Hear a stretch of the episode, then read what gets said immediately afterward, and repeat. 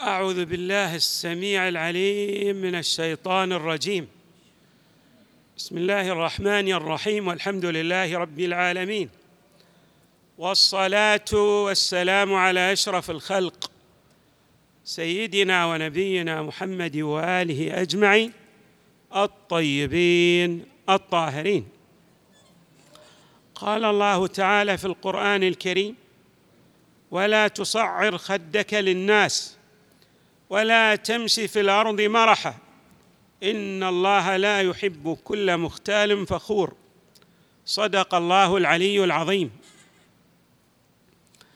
من اعظم من أعظم السجايا الأخلاقية التي أوليت عناية فائقة في اي القرآن الكريم. وكذلك في الأحاديث المتعددة سجية التواضع لله تبارك وتعالى والتواضع لله في التعامل مع الخلق.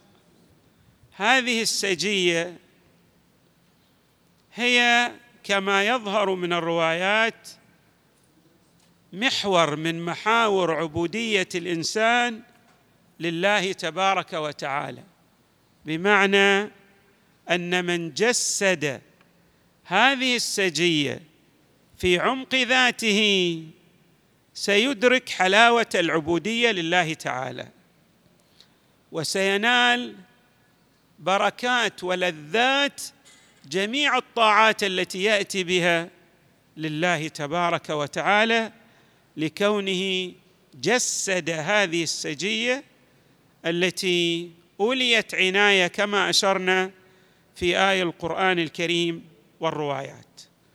وكي يتضح لنا ذلك نقرأ بعضا من الأحاديث الواردة في هذا الشأن. المصطفى صلى الله عليه وآله يقول لا حسب إلا بتواضع يعني أن الإنسان مهما كان في انتمائه لشريف من الأشراف أو لشخصية من الشخصيات ولكنه لا يجسد التواضع في ذاته فليس له ذلك الحسب. أي أن القاعدة الصلبة التي يتكئ عليها الإنسان في شرفه في حسبه تكمن في تواضعه. أيضا روي هذا المعنى بنحو عن إمامنا أمير المؤمنين عليه السلام يقول لا حسبك التواضع. يعني لا يوجد ميزة تدعوك للشرف وتسنم ذروة المجد كتواضعك لله تبارك وتعالى وتعاملك مع الناس على أساس هذا التواضع في عبوديتك لله. وروي هذا المعنى أيضا عن إمامنا زين العابدين عليه السلام.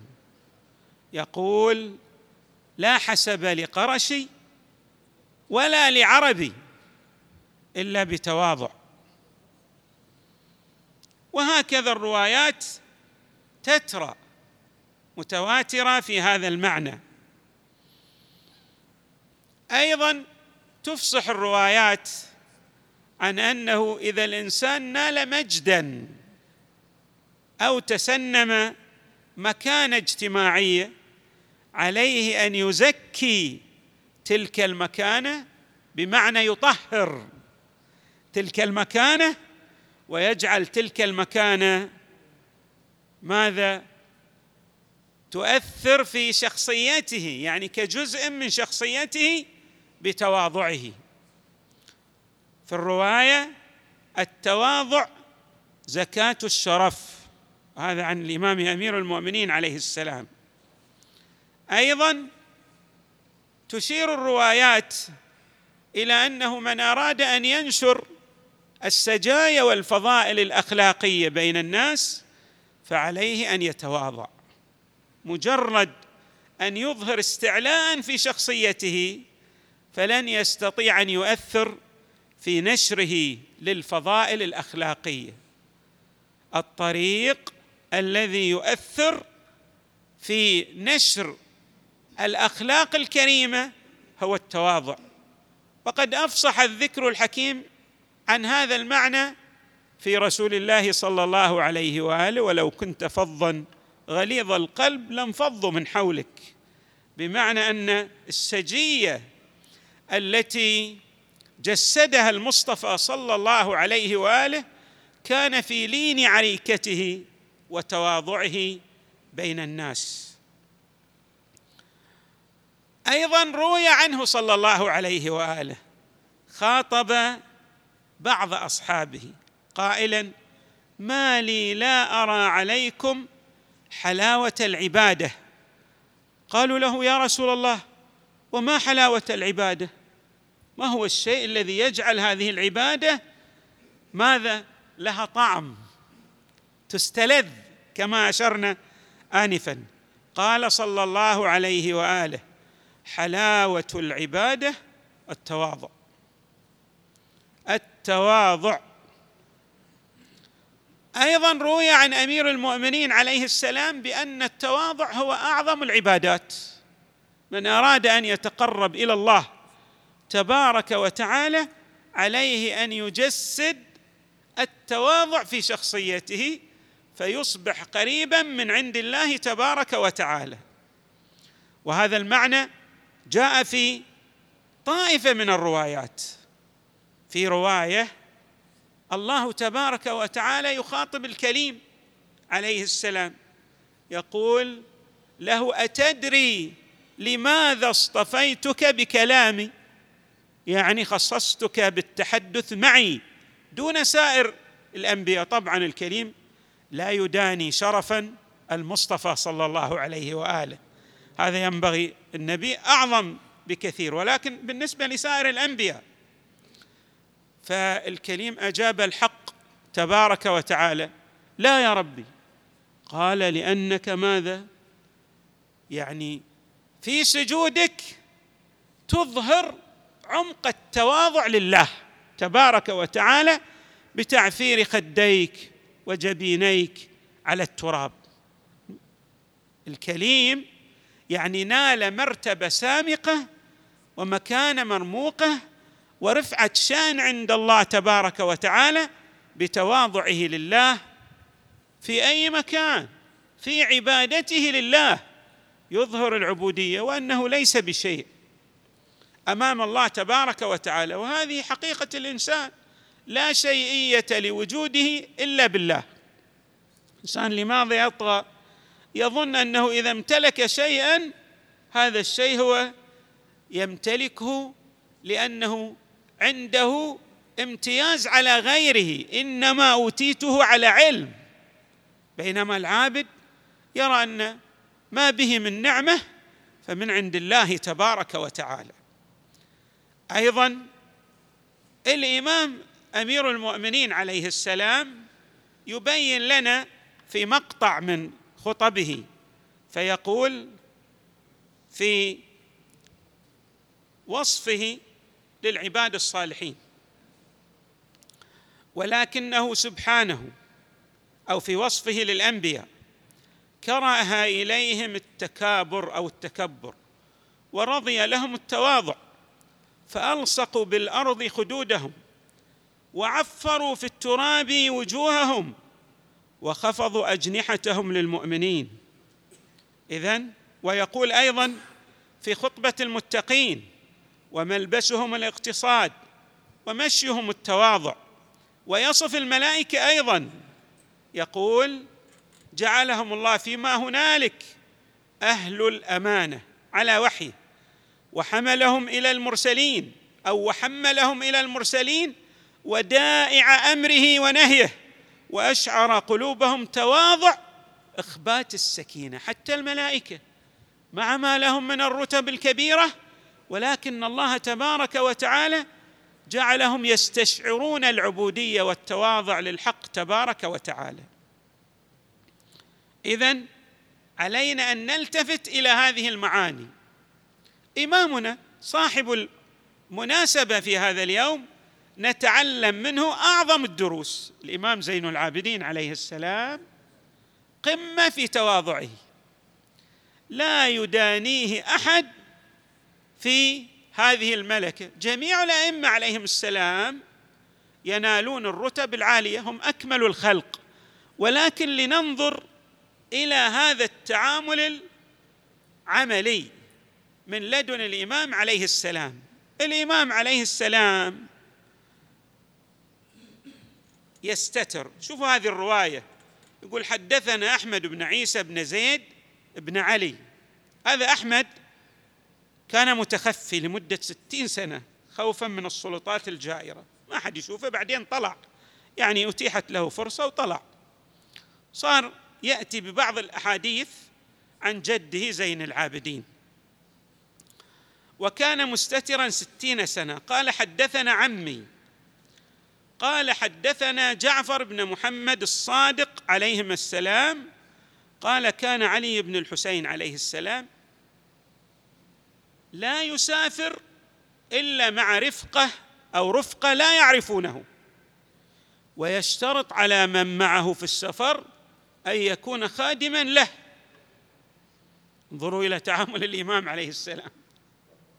يسافر مع أناس لا يعرفونه ويشترط عليهم أن يخدمهم في سفرهم. طبعا القدر المتيقن كان في سفر الحج الإمام. يعني يقوم ببعض الحوائج لضيوف الرحمن. طبعا الحوائج في السابق شنو كانت؟ تعرفون جلب الماء غسل الملابس الحاجات التي يحتاج إليها الحاج في سفره. كان هكذا يفعل الإمام عليه السلام. في إحدى السفرات أو في أحد الأسفار مع الإمام عليه السلام كان هناك من يعرف شخصية الإمام. فعرف أن هذا الإمام هو الذي يخدم. فأخبر الرفقة في السفر. قال لهم أتدرون من يخدمكم؟ قالوا لا. له لا. قال هذا إمامكم زين العابدين. هو الإمام الذي يقوم بخدمتكم. فهؤلاء ماذا أصابهم؟ شيء. يعني تأثروا تاثرا بالغا لكونهم ماذا؟ يتعاملون مع هذا الإمام كسائر الخدم. وقالوا له يا ابن رسول الله يعني لماذا تفعل هكذا؟ فإذا صدر منا شيء قد يصدر طبعا من الناس. الناس دائما يقللون من من شأن من يخدمهم. هذه طبيعة الإنسان. يعني لا ينظر إلى المتواضع بنظرة تقدير واحترام. عكس الكملين من الناس الكامل من الناس ينظر نظرة تقدير واحترام لمن يزجي ويسدي الخدمة لغيره. ولكن الأعم الأغلب من الناس من يرى أنه يخدم الناس لا يتوجه إليه. قلة من الناس تحترم من يخدم غيره. قلة من الناس. وهم الكملين كما أشرت. طيب هؤلاء بدأوا ماذا؟ في حوار ساخن كما نعبر مع إمامنا زين العابدين. قالوا له لماذا تفعل هكذا؟ قال لهم الإمام عليه السلام طبعا بعد أن وثبوا إليه وبدأوا يقبلون يده ورجله وقالوا له يا ابن رسول الله أردت أن تصلينا نار جهنم؟ لو بدر منا إليك يد أو لسان. أما كنا قد هلكنا آخر الدهر فما الذي يحملك على هذا يا ابن رسول الله؟ انظروا إلى جواب الإمام عليه السلام. قال كنت قد سافرت ذات مرة مع قوم يعرفونني فأعطوني الكثير لم يتيحوا لي الفرصة أن أن أقدم خدمة لغيري. كانوا يقومون بكل شيء. انظروا حتى النبي صلى الله عليه وآله كان يأنف من ذلك إذا كان في السفر مع غيره.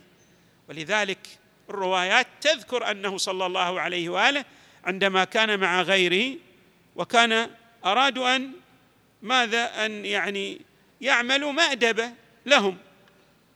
غداء. فقال بعضهم طبعا أول في كلفة عمل المأدبة وكان عندهم شاة. فقال بعضهم علي ماذا ذبحها؟ وقال الآخر علي سلخها. وهكذا كل واحد أراد أن يبدي خدمة. فقال النبي صلى الله عليه وآله وعلي جمع الحطب. قال لهم قالوا له يا رسول الله نكفيك ذلك. قال أعلم أنكم تكفون ولكن أريد أن أكون كأحدكم. انظروا إلى هذا التواضع الجم في التعامل مع الغير في الأسفار في القضايا العامة. هذه دروس ثرى بالعطاء نتلقاها من المصطفى صلى الله عليه وآله ومن إمامنا زين العابدين ومن بقية الأئمة من أهل البيت. صلوات الله وسلامه عليهم أجمعين. نسأل الله يجعلنا مع إمامنا زين العابدين في الدنيا والآخرة وصلى الله وسلم وزاد وبارك على سيدنا ونبينا محمد وآله أجمعين الطيبين الطاهرين. صل وسلم على محمد